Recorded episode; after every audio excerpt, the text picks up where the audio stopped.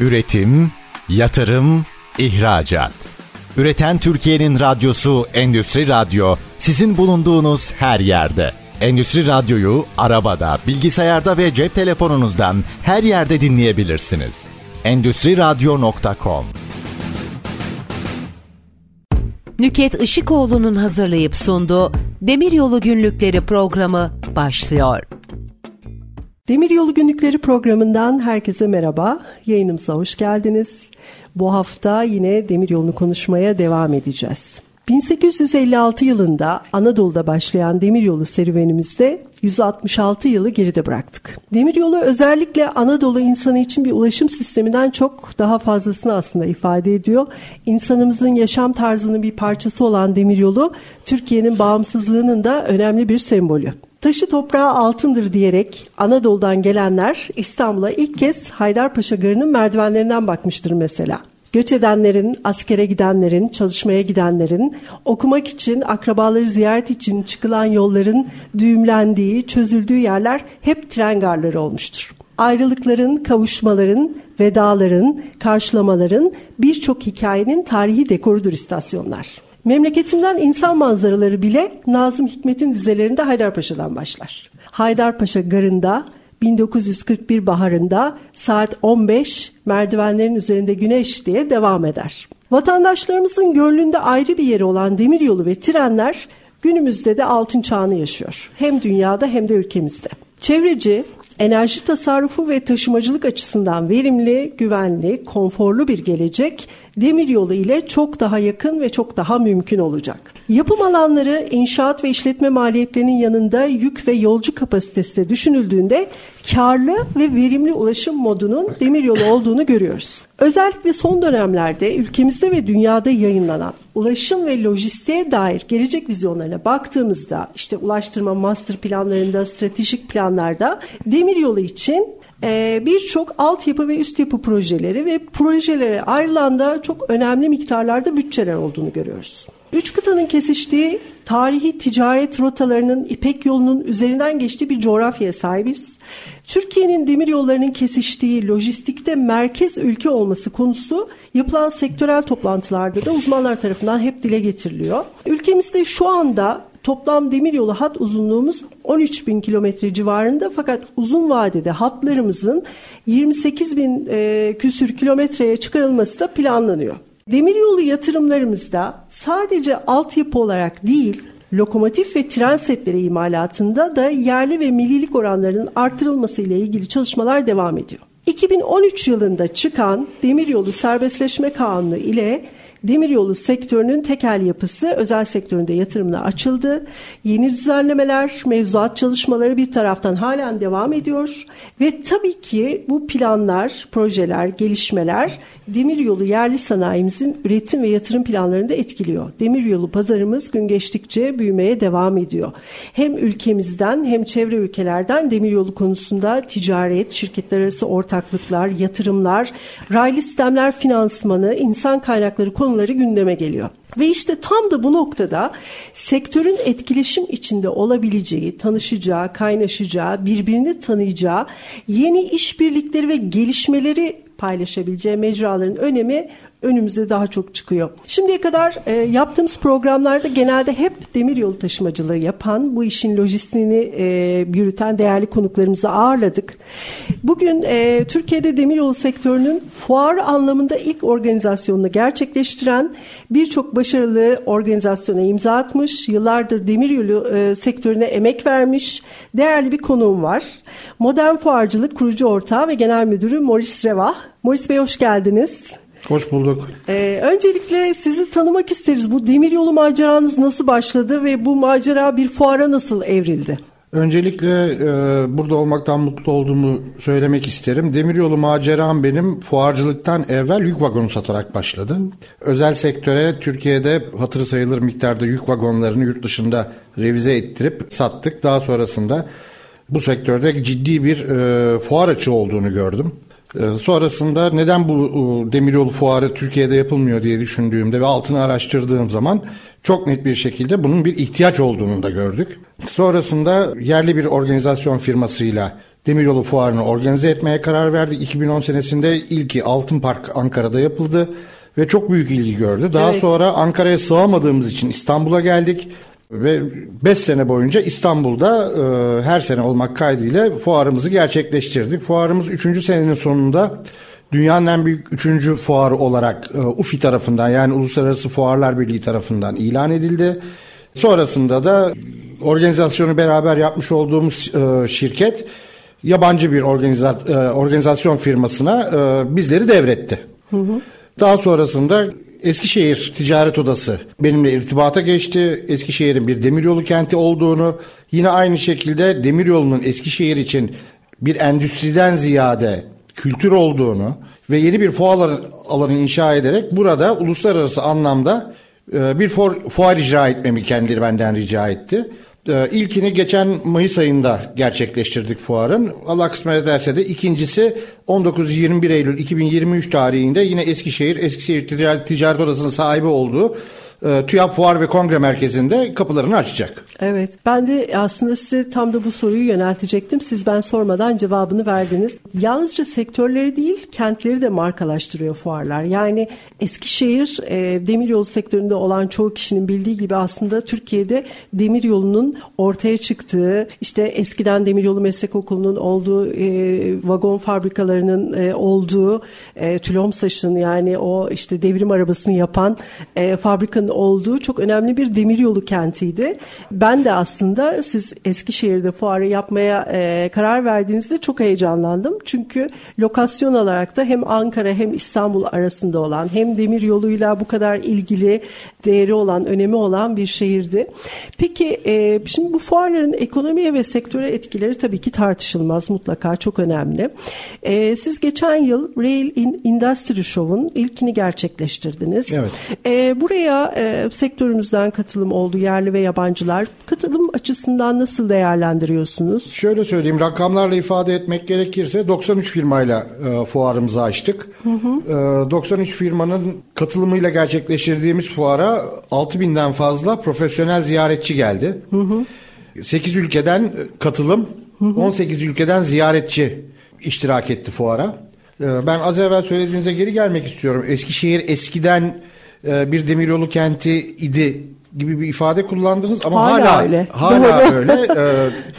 E, eski Tülomsaç fabrikası şimdiki ismiyle Türasaç. Evet. Hala orada operasyonel olarak işlerine devam Evet. etmekte ve en önemlisi Türkiye'nin bütün demiryolu hatlarının kesiştiği nokta Eskişehir. Evet Enveriye istasyonu değil mi orada 3 Yine aynı şekilde Cumhurbaşkanlığının himayesinde yapılan Uraysim projesi Eskişehir'de yapılıyor. Doğru. Hasan Bey Demiryolu Lojistik Üssü Eskişehir'de ve Eskişehir bir aslında bir sa- sanayi kenti. Üniversitede de demiryolu yet- e, demiryolcu yetiştirmek için raylı sistemler bölümü var bildiğim kadarıyla. Tabii orada yine devam raylı ediyor. sistemler kümelenmesi Eskişehir'de. Evet, evet. Ee, dolayısıyla Eskişehir bu için bu iş için çok doğru adres ve hani şunu söylemeden geçemeyeceğim.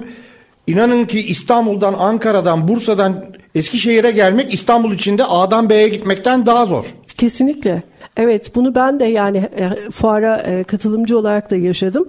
Şimdi biz İstanbul'da tabii ki çok uzun mesafeler arasında bir fuara gidip fuar çıkışı yoğun bir trafiğin içine e, girmeye alışık olduğumuz için Eskişehir'de bu imkan bana da açıkçası çok lüks gelmişti. Gayet güzel bir şehirde gayet sakin ve geniş bir fuar alanında rahat rahat ziyaretimizi yapmıştık. Hem ziyaretçi anlamında hem de katılımcı anlamında Eskişehir şöyle söyleyeyim yani fuar sonunda müşteri memnuniyeti anketleri yapıyoruz. Evet. Ee, ve bu seneki fuardan sonra müşteri memnuniyeti anketlerinde sorduğumuz soru çok netti. Fuarı İstanbul'da mı, Ankara'da mı, İzmir'de mi istersiniz diye sorduk.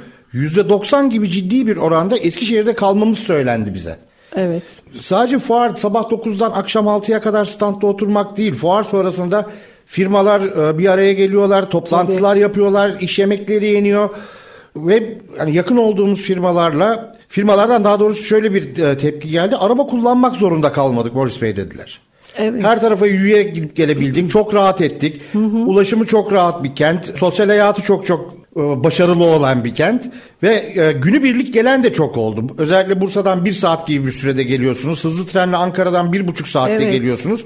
Ya İstanbul'un ana, Anadolu yakasından çıkarsanız normal süratlerle geldiğinizde maksimum iki saat, iki buçuk saat içerisinde Eskişehir'e varıyorsunuz. Avrupa yakasından gelirseniz üç, üç buçuk saatte geliyorsunuz. Evet. İşte bu yüzden diyorum ki hani insanlar günübirlik bile geldi. Yani illa üç gün boyunca orada yatıp kalkmak zorunda kalmadı. Aynen öyle. O da çok önemli bir avantaj. Ee, hani hepimiz sonuçta çalışıyoruz. işimiz var, gücümüz var. Üç günümüzü gidip orada hani ziyaretçi olarak katıldığımızda fuarda geçiremesek de günübirlik gidip gelinebilecek bir lokasyonda. Bu pandeminin etkisinin azalmasıyla aslında geçen yıl yapılan fuar yani aslında bu yıl ben Evet. yıl sonuna geldiğimiz Evet. için. Tabii ki bu pandeminin gene hafif e, bir etkisi vardı ama bence bu sene çok daha yoğun geçeceğini düşünüyorum. Çünkü özellikle son dönemde bir şey fark ettik. E, bu son dönemde yapılan fuarlarda görüyorum ki gittiğimizde herkes fiziki olarak karşı karşıya gelmeyi ve iş görüşmelerini yapmayı çok özlemiş. E, şu ana kadar hep böyle online bu süreçte online e, organizasyonlar yapıldı. İşte e, Teams'ten, Zoom'dan toplantılar yaptık. Bazen fuarlar yaptık. Ama artık herkes fiziki olarak karşı karşıya gelmek istiyor. Biz de bunu fuarlarda. biz de bunu gözlemliyoruz. Ee, insanlar karşı karşıya gelip el sıkışmayı özlemişler. Ee, Evet. Karşı karşıya oturup bir kahve içip işlerini konuşmayı özlemişler. Bunu çok net gözlemledik. bir de yani bizim gerçekleştirdiğimiz fuar spesifik bir konu. Demiryolu. Evet. Raylı sistemler ve sizin de konuşmanızın başlangıcında söylediğiniz gibi büyük bütçeli işler bunlar. Evet. Dolayısıyla bunlar online ortamda yapılacak işler değil. Değil, O yüzden kesinlikle. insan karşısında insan görmek istiyor. Bunu da çok net gözlemliyoruz. Ee, organizasyonumuzda doğru alıcıyla doğru satıcıyı bir araya getirmeye hedefliyoruz. Hem yurt, yurt içinden hem yurt dışından. Ve 2023 senesinde de e, güzel bir temayla fuarımızı açmayı planlıyoruz. Evet. Geçen yıl finansmanla ilgili bir teması vardı fuarın. Evet, e, E, raylı sistemler finansmanıydı. Evet, finansmanı. E, çünkü raylı sistemlerde bildiğiniz üzere e, en önemli konu finansman. E, az evvel de konuştuğumuz Evet. gibi çok yüksek bütçeli işler ve yüksek finansman gerektiriyor. Bu sadece demiryolu anlamında değil, kent içi ulaşım için de aynı şey. Ve biz bunu tema olarak aldık. 47 tane konuşmacının katıldığı, işte İller Bankası, Dünya Bankası gibi, e, Garanti Bankası gibi e, önemli kuruluşlarında söz aldığı verimli bir e, konferans ve zirve programı geçirdik. E, bu sene içerisinde planladığımız yeni temamız ise demiryolu taşımacılığı olacak. Evet. Burada demiryolu taşımacılığını öne çıkartacağız çünkü sizin de söylediğiniz gibi pandemi döneminde demiryolu taşımacılığı hem tonaj anlamında hem hız anlamında ve en önemlisi de hijyen anlamında Evet. e, bayağı bir parladı ve parlamaya da devam edecek. Bir de bildiğiniz üzere Avrupa Birliği'nin regülasyonları var. Evet. Ülkemizde kısmen uygulanan ama daha sonrasında mutlaka uygulamaya geçecek olan özellikle patlayıcı, parlayıcı, e, yanıcı maddelerin sadece demiryoluyla taşınma konusu var. Aynen yeşil mutabakat konusu Yeşil var. mütabakat konu- konusu var evet. Dolayısıyla bu sene e, 2023 senesindeki fuarımızda e, demiryolu taşımacılığını öne çıkartmak arzusu içeri- içerisindeyiz. Vallahi çok isabetli olur. Ben de yıllardır demiryolu taşımacılığı e, sektörünün içinde e, profesyonel olarak da çalışan birisi olarak bunun gerçekten bir ihtiyaç olduğunu görüyorum. Özellikle uluslararası koridorların bu kadar önemli bir hale geldiği bir tarafta işte Rusya-Ukrayna krizi var. Diğer tarafta e, İran ambargoları var. İran ambargoları var. Orta Asya, Çin e, Avrupa'ya gelmek istiyor demir yoluyla. Aynı şekilde Avrupa e, Orta Asya'ya ulaşmak istiyor ve demir yolu bu noktada Türkiye'nin elini çok Kilit nokta. güçlendirecek. Çok önemli bir yatırım olarak öne çıkıyor. Sizin e, bir de aynı zamanda tabii bu fuar sırasında yaptığınız bir konferans programınız var. Ben geçen sene bunu incelediğimde özellikle tema konusu finansmanla alakalı çok güzel konulara değinildiğini, çok e, yetkin konuşmacıların olduğunu gördüm. E, bu sene de herhalde benzer bir konferans Tabii e, ki tabii ki programı söylediğim gibi e, demiryolu taşımacılığı da bunun bir kısmı olacak. Ve burada da çok yani sektörün önde gelen yöneticilerini, firma sahiplerini davet etmek suretiyle e, gündemi belirlemeyi düşünüyoruz. Evet. Geçen e, yıl sizin e, yapılan fuar e, raporuna baktığımda orada aslında toplam 18 ülkeden de katılım olduğunu gördük. Evet, ziyaretçi anlamında. E, evet bu fuarın uluslararası boyutunu da konuşmak istiyorum ama öncelikle e, bir reklam arasına gidelim. Daha sonra Demiryolu günlüklerinde sohbetimize kaldığımız yerden devam edelim. Üretim, yatırım, ihracat. Üreten Türkiye'nin radyosu Endüstri Radyo sizin bulunduğunuz her yerde. Endüstri Radyo'yu arabada, bilgisayarda ve cep telefonunuzdan her yerde dinleyebilirsiniz. Endüstri Radyo.com Demiryolu Günlükleri programına kaldığımız yerden devam ediyoruz. Konuğumuz Modern Fuarcılık Kurucu Ortağı ve Genel Müdürü Sayın Morris Reva. Morris Bey birinci bölümde reklam arasına girmeden önce en son uluslararası katılımdan bahsetmiştik fuara. Geçtiğimiz yıl yapılan fuara uluslararası katılım ne düzeyde oldu? Bu yılki fuarda ne düzeyde de bir katılım bekliyorsunuz? Mayıs ayında gerçekleştirdiğimiz fuarda 18 e, ülkeden ziyaretçilerimiz oldu. Toplam yabancı olarak toplam ziyaretçi sayısı yanlış söylemeyeyim 867 kişi oldu. Hı hı. 8 ülkeden katılım oldu 12 firmayla. Hı hı. Bu sene içerisinde bu rakamı en aşağı ikiye katlamayı planlıyoruz. Evet.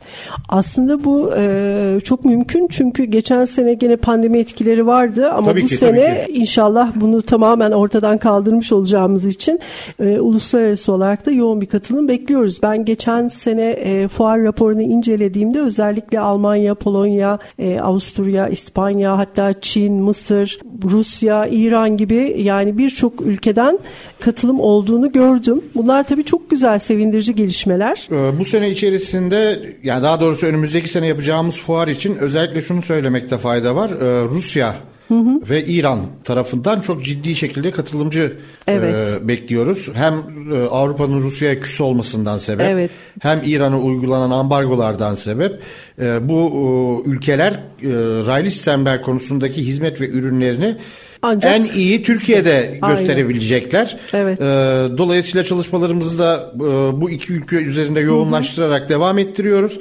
Ama tabii bu demek değil ki sadece Ruslar ve e, İranlılar bu fuarda olacak pazarlama ağımız e, ve çalışmalarımız sayesinde bütün dünyaya ulaşmaya çalışıyoruz. Harika, çok güzel. E, umarım tüm hedeflerinize ulaşırsınız. Şimdi tabii şeyden de bahsetmek istiyorum. Özellikle son dönemde e, bizim Ulaştırma Bakanlığımızın da bu gelecek planlarında, strateji planlarında, e, işte master planlarında, ulaştırma lojistik master planlarında raylı sistemlere ve demir yoluna çok fazla yer ayrılıyor. Çok ciddi bütçeler ayrılıyor.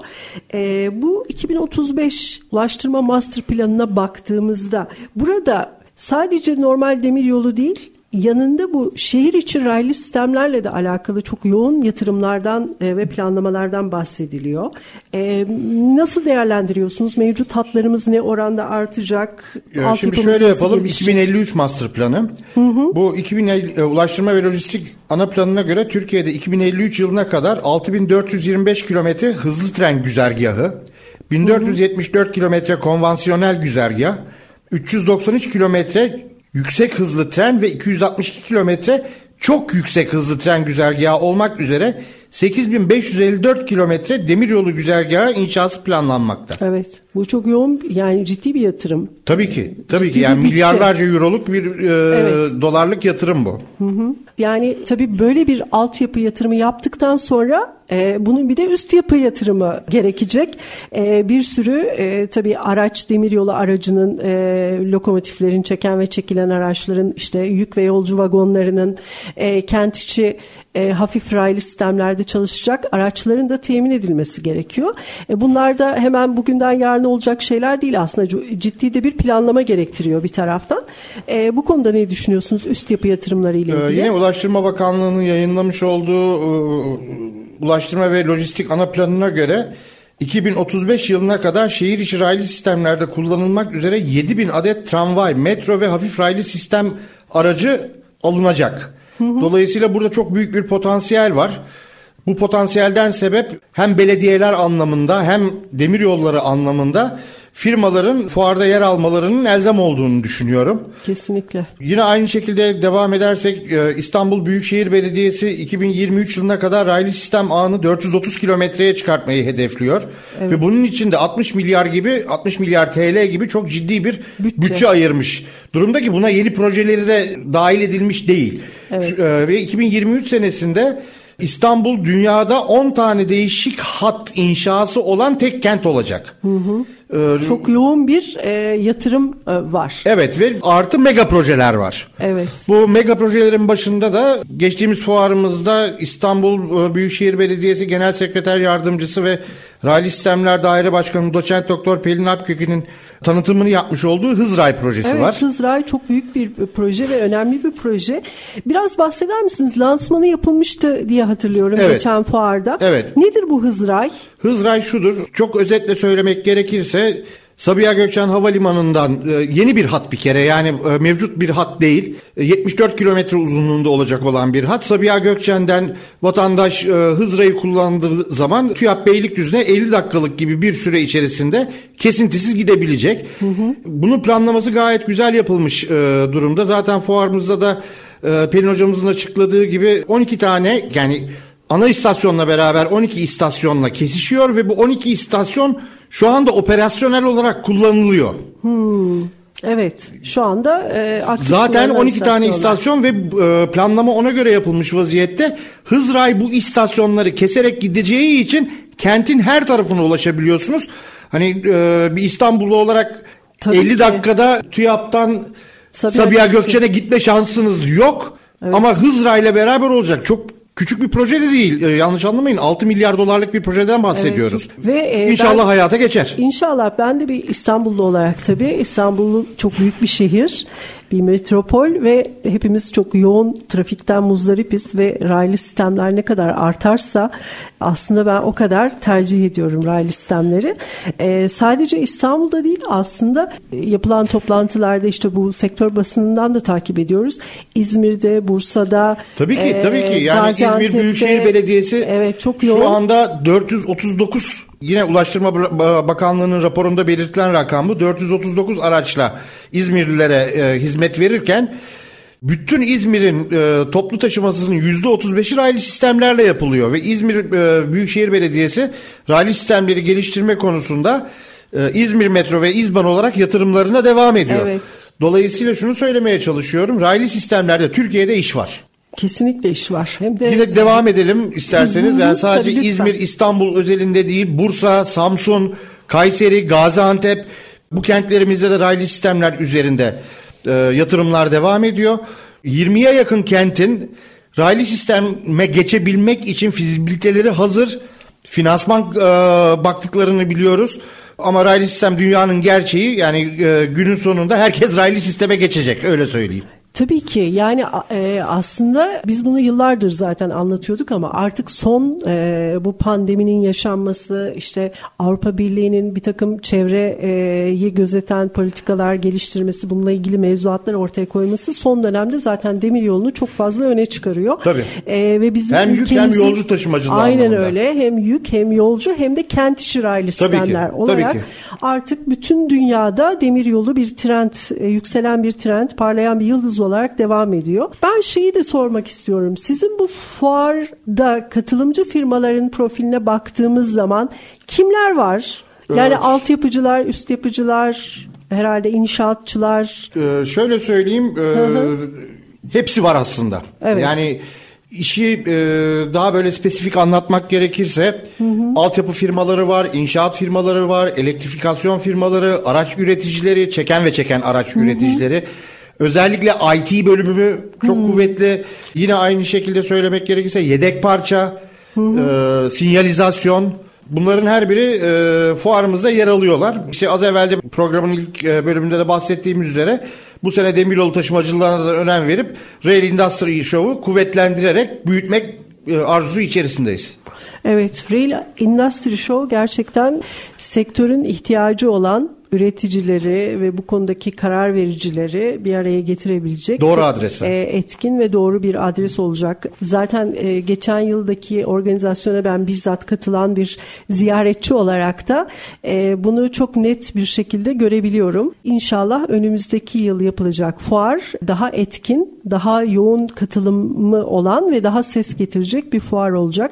Çünkü bu ülkenin insanının da hepimizin e, demir yolu raylı sistemlerin gelişmesine ülke olarak çok ihtiyacımız var. Bu bizim konfor konforumuzu yükseltecek. Tabii ki. ekonomik olarak e, ülkemize çok önemli değer katacak. E, insanımıza, çevremize duyarlı e, bu taşıma sistemin artması çok önemli diye düşünüyorum. Yani şöyle söyleyeyim. Raylı sistem farkında olmadan insanı zaman zengini yapan bir sistem. Kesinlikle öyle. Zaman zengini olduğunuz zaman ne oluyor? Zaman zengini olduğunuz zaman daha fazla uyku uyuyabiliyorsunuz. Ailenize daha fazla e, vakit geçirebiliyorsunuz. E, ülke ekonomisine katkıda bulunuyorsunuz. Yani e, özellikle Türkiye'deki metropollere baktığınız zaman korkunç bir yakıt e, sarfiyatı, zamanda kaybedilen saatlerce süre zaman fakiri haline getiriyor bizi. Raylı sistem bu işin çözümü. Zaman zengini olan insan mutlu insandır.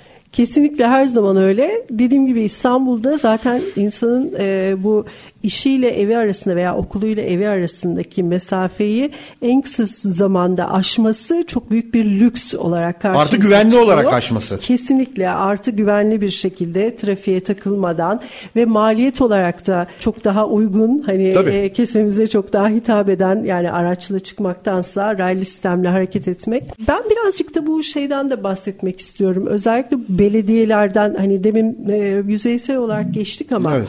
şimdi yine bunu çok sık gözlemliyorum ben görüyorum.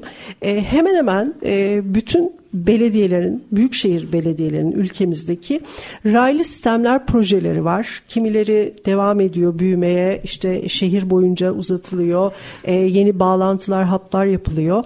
Diğer taraftan da e, yeni projeler de e, oluşturuluyor sıfırdan. Bu noktada hafif raylı sistemleri hani değerlendirirsek belediyelerin de yoğun bir katılımı vardı sanki. Geçen yıl öyle hatırlıyorum. Yani, Doğru. Ee, e, Raylı sistem İstanbul- işletmecisi belediyelerin Evet. belediyeleri e, fuarda katılımcı olarak yer aldı ve e, hem ürünlerini hem hizmetlerini tanıtma fırsatı buldular.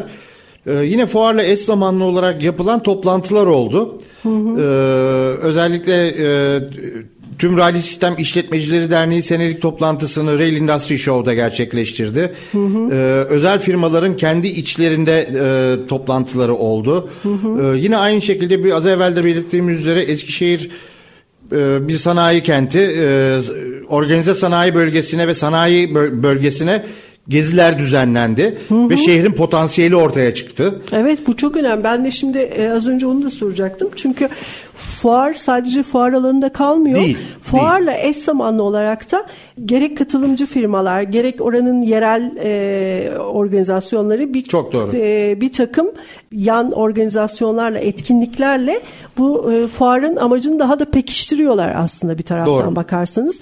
Bu da e, katılımcıya çok zengin bir e, içerik sunuyor. Program sunuyor. Ee, sürekli bir kapalı alan içerisinde bulunmaktansa hiç değilse hem Eskişehir'i tanımış oluyorlar hem endüstriyel gücünü görmüş oluyorlar. Evet. Ee, ve işlerin nereye evrilebileceğini kendi gözleriyle görebiliyorlar. Evet. Çok güzel, çok keyifli bir sohbet yapıyoruz. Ee, Teşekkür ederim. Fakat şimdi tekrar reklam arasına gitmek zorundayız. Hay hay. Ee, Demiryolu Günlükleri programımız kısa bir aradan sonra devam edecek. Üretim, yatırım, ihracat. Üreten Türkiye'nin radyosu Endüstri Radyo sizin bulunduğunuz her yerde. Endüstri Radyo'yu arabada, bilgisayarda ve cep telefonunuzdan her yerde dinleyebilirsiniz. Endüstri Radyo.com Demiryolu Günlükleri programına kaldığımız yerden devam ediyoruz. Bugünkü konuğumuz Modern Fuarcılık Kurucu Ortağı ve Genel Müdürü Sayın Maurice Reva. Maurice Bey, ben özellikle bu fuarla ilgili pazarlama faaliyetleri hakkında da e, bilgi almak istiyorum Tabii ki. sizden. Bu geçtiğimiz e, aylarda Inotrans fuarı yapıldı Almanya'da. Dünyanın Doğru. en büyük demiryolu fuarı. Siz burada bulundunuz mu? Katıldınız mı? Nasıl geçti? Tabii ki e, firmanın yani firmamızın yaptığı pazarlama faal- faaliyetlerinden biraz size bahs- bahsetmek istiyorum. Şimdi e, işin özünde döndüğünüz zaman bir fuarın başarılı olması tanıtım, tanıtım, tanıtımdan geçiyor. Evet. Ee, Bu e, tanıtımların da doğru yapılıyor olması gerekli. Hem ziyaretçiye yönelik hem katılımcıya yönelik şekilde olması gerekli. Ki doğru ziyaretçiyi doğru katılımcıyla bir araya getirip e, iş hacmini geliş, e, geniş tutabilmek. Tabii ki biz dünya üzerinde yapılan majör fuarlara başta Innotrans olmak üzere fiilen iştirak edip oradaki hem yerli hem yabancı müşterilerimizle bir araya gelip Türkiye'de Türkiye'deki raylı sistem potansiyellerini özellikle yabancılara anlatıp fuarımıza iştirak etmelerini sağlamaya çalışıyoruz. Aynı zamanda da e, yerli katılımcıya katılacak olan yabancılarla randevular ayarlayabiliyoruz. Hı hı. E, onları burada yerli üret yerli üreticiyle yabancıları bir araya getirme kabiliyetine sahibiz. Birebir görüşmeler Tabii ki B2B'ler yapılıyor. Aynen orada e, firmalar partnerde bulabiliyorlar kendilerine evet. işbirlikleri geliştirebiliyorlar. Doğru yine aynı şekilde Middle East Rail Dubai fuarı. Hı hı. E, yine aynı şekilde e, Rail Live Madrid, e, Expo Ferroviaria İtalya. Hı hı. Bütün bu fuarları da geziyoruz. Ve hedef ülke İran'daki demiryolu fuarı gene keza İran Rail Days. Hı hı. E, bunları gezip Eskişehir'de 19-21 Eylül'de gerçekleştireceğimiz fuar için katılımcı sayımızı yabancı anlamında artırmaya çalışıyoruz. Evet çünkü e, az önce de bahsettiğimiz gibi yabancı katılımcı önemli hem şey, uluslararası ticaretin uluslararası ticaret için evet. hem de bizim üreticimiz açısından çünkü özellikle son dönemlerde demiryolu konusunda yerli sanayimiz de gelişmeye başladı. Tabii ki. E, bu konuda hatta şey e, vagon firmaları, vagon üretici firmalarıyla yaptığımız görüşmelerde önümüzdeki e, neredeyse bir buçuk iki yıllık süreçte üretim bantlarının sürekli sürekli dolu olduğundan sadece iç piyasaya değil aynı zamanda dış piyasaya da e, sipariş aldıklarından bahsediyorlar. Dolayısıyla bu noktada yabancı katılımlarla işbirliklerini sağlayacak bir mecra oluşturmak çok önemlidir diye düşünüyorum ben de. E, bir de özellikle yani aslında kendim demiryolu taşımacılığı, yük taşımacılığı tarafında yıllarca hani bulunmuş bir insan olmak olduğum için bu seneki e, Rail Industry Show'un e, demiryolu taşımacılığı temasıyla yapılması beni ekstradan heyecanlandırıyor. Çünkü daha önce yapılan bu fuarlarda genelde altyapı, üst yapı, e, işte ürün tedariki, işte evet, benzer fuarlar e, var. Benzer fuarlar evet yapılmıştı. Fakat taşımacılığı e, bizzat yapan firmaların özellikle Avrupa coğrafyasında ve Orta Asya'da Çin'e kadar olan e, bu coğrafyada yaptıkları e, taşımalar bence çok önemli. Çünkü son dönemde e, biz Kars Tiflis Bakü hattını açtık. Hı hı. E, diğer taraftan Marmaray hattını gece yük geçişlerini açtık. Asya ile Avrupa arasında direkt bir demiryolu bağlantısını buradan sağlıyoruz. Bir taraftan Rusya-Ukrayna krizi sebebiyle oradaki bir takım trafiğin aksamalarından sebep oradaki yükün bir kısmının belki Türkiye üzerinden Avrupa'ya ulaşması konuları gündeme geliyor. Bunun gibi birçok proje var. Dolayısıyla bunları hani hem ne derler stratejik açıdan hem yük akışı açısından hem geliştirmek açısından böyle bir platformun oluşmasının çok önemli olduğunu düşünüyorum. Peki sizin e, bu seneki bu e, demir yolu temasını oluşturmaya iten ne oldu? Şimdi taşımacılık deyince sadece yükün taşınması veya yolcunun taşınması değil. Ee, şimdi aklın yolu bir. Ee, hı hı. Bugün karayoluyla tamam A'dan B'ye noktadan noktaya gidip gelebiliyorsunuz. Demiryolu biraz daha zahmetli bir taşıma yöntemi ama hı hı. demiryolu taşımasında birçok alt kırılım sektörler var. Evet. Yani en başta çeken çekilen araçlar var. Onun, bunun üzerinde özellikle yük taşımacılığında konteyner. Konteyner şu anda dünyada ciddi bir sıkıntı var konteyner bulmayla ilgili. Evet. Ve takdir edersiniz ki kanunlar çerçevesinde bugün bir kamyonu yüklediğiniz zaman 22-24 tonlara kadar yükleyebiliyorsunuz. Evet. Ama bir konteyner vagonunu yüklediğiniz zaman 60 tona kadar yükleyebiliyorsunuz. Ve evet. Yine hani bir vagonun önüne bir lokomotif gelmiyor. Bir lokomotifin arkasına 20 tane vagon geliyor. Evet. Dolayısıyla ağır yükleri, hacimli yükleri demir yolunda taşımak hem çok daha ekonomik olacak hı hı. hem çok daha efektif olacak e, ve zamanlama açısından da çok daha disipline edilmiş olacak. Evet. Bu sebepten dolayı demiryolu taşımacılığını bu seneki tema olarak belirledik. Hı hı. Ee, özellikle alt yani daha doğrusu alt kırılımları dediğim hı hı. konteyner üretimi, evet. e, elleçleme e, ekip e, ekipmanları, evet. e, yine aynı şekilde depolama. Doğru. Bütün bunların hepsi demiryolu lojistiğinin bir parçası. Araç takip sistemleri. Tabii tabii tabii. Yani işin IT tarafı zaten evet. e, başlı başına bir konu. Ee, dolayısıyla bu sene içerisinde bu konunun üzerinde daha çok eğilip ülkemizde demiryolu taşımacılığını çok daha iyi bir seviyeye çekmeyi hedefliyoruz. Ee, ben bunu yürekten destekliyorum. Dediğim gibi e, taşımacılığın içinde biri olarak böyle bir platformun oluşturulması tabii ki sektörde çalışan firmalar içinde ve civar ülkelerdeki lojistik e, oluşumları içinde oldukça yararlı olacağını düşünüyorum ben de. Az önce şeyden bahsettik. Biz e, bu konuda işte önemli e, fuarlardan biri izledik. Çevre ülkelerde Almanya'nın dışında bu Inotrans'ın dışında demiryolu ile alakalı hangi fuarlar var Morris Bey? Valla e, bize yakın olan coğrafyalardan bahsetmek Hı-hı. gerekirse az evvel bahsetmiş olduğum gibi Dubai'de yapılan Middle East Rail fuarı var. Hı hı. E, Madrid'deki e, Rail Live var. Yine aynı şekilde ee, İtalya'da yapılan Expo Ferroviaria var.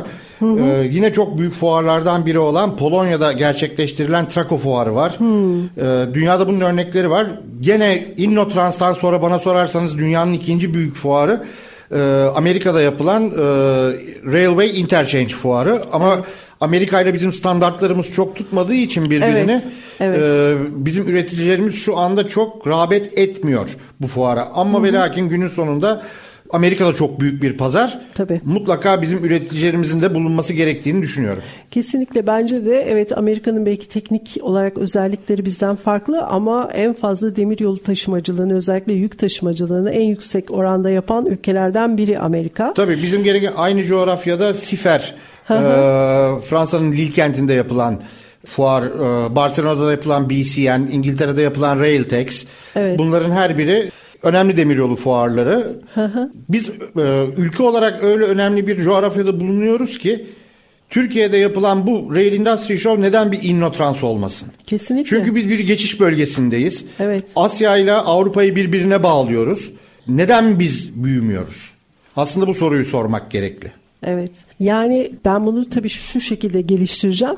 Hem altyapı olarak yani neden daha Tabii. iyi standartlara yükselip burada bir hub olmuyoruz? Aynen. Demir yolu hub'ı ve aynı şekilde lojistik üssü niye Lojistik üssü zaten biz coğrafi olarak doğal bir lojistik Aynen. lojistik üssüyüz. Aynen. E, üç tarafımız denizlerle çevrili. Bir tarafımızda Asya, bir tarafımızda Avrupa, bir tarafta Karadeniz'in karşısında Rusya, diğer taraftan Afrika ülkeleri Akdeniz'in diğer tarafında. Dolayısıyla aslında dediğiniz gibi Türkiye'nin lojistik bir hub olması gerek ve bunun için en önemli alt altyapı yatırımlarından biri hatta sadece belki kendisi demiryolu taşımacılığının gelişmesi.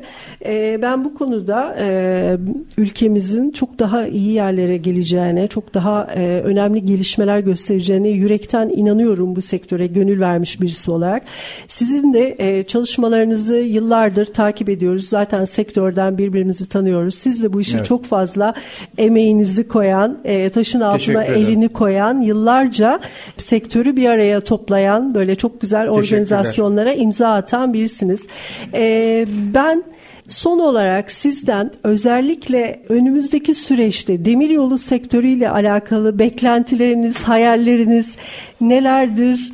Ee, nasıl olsun, nasıl gelirsin isterseniz dileklerinizi ben, almak isterim. E, tek bir cümleyle e, duygularımı dile getireyim.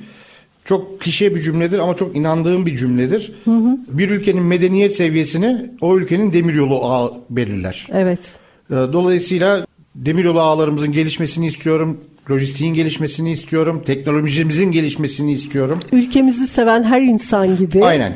Ulu Önderimiz Mustafa Kemal Atatürk'ün de Cumhuriyet'in ilk yıllarında adeta bir seferberlik ruhuyla bu demir yolu taşımacılığına, demir yolu yatırımlarına, altyapısına ne kadar önem verdiğini biliyoruz. 10. yıl marşında tabii da bunu ki. duyuyoruz. Ve ülkemizi daha iyi bir seviyeye getirmek için tabii ki demir yolunun ne kadar önemli ve gerekli olduğunu biliyoruz. Bugün e, yayınımıza katıldığınız ve bize vakit ayırdığınız için çok teşekkür ben ediyorum. Ben teşekkür ederim. Rail Industry Show eski Eskişehir 19-21 Eylül tarihleri arasında yapılacak. İnşallah orada tüm sektör hep beraber olacağız ve İnşallah. demir yolunu konuşmaya devam edeceğiz. E, demir yolu günlükleri programından bu haftalık da bu kadar. Haftaya aynı gün aynı saatte sektörümüzden değerli konuklarla demir yolunu konuşmaya devam edeceğiz. Ee, bizi dinlemeye devam edin. Görüşmek dileğiyle. Hoşçakalın.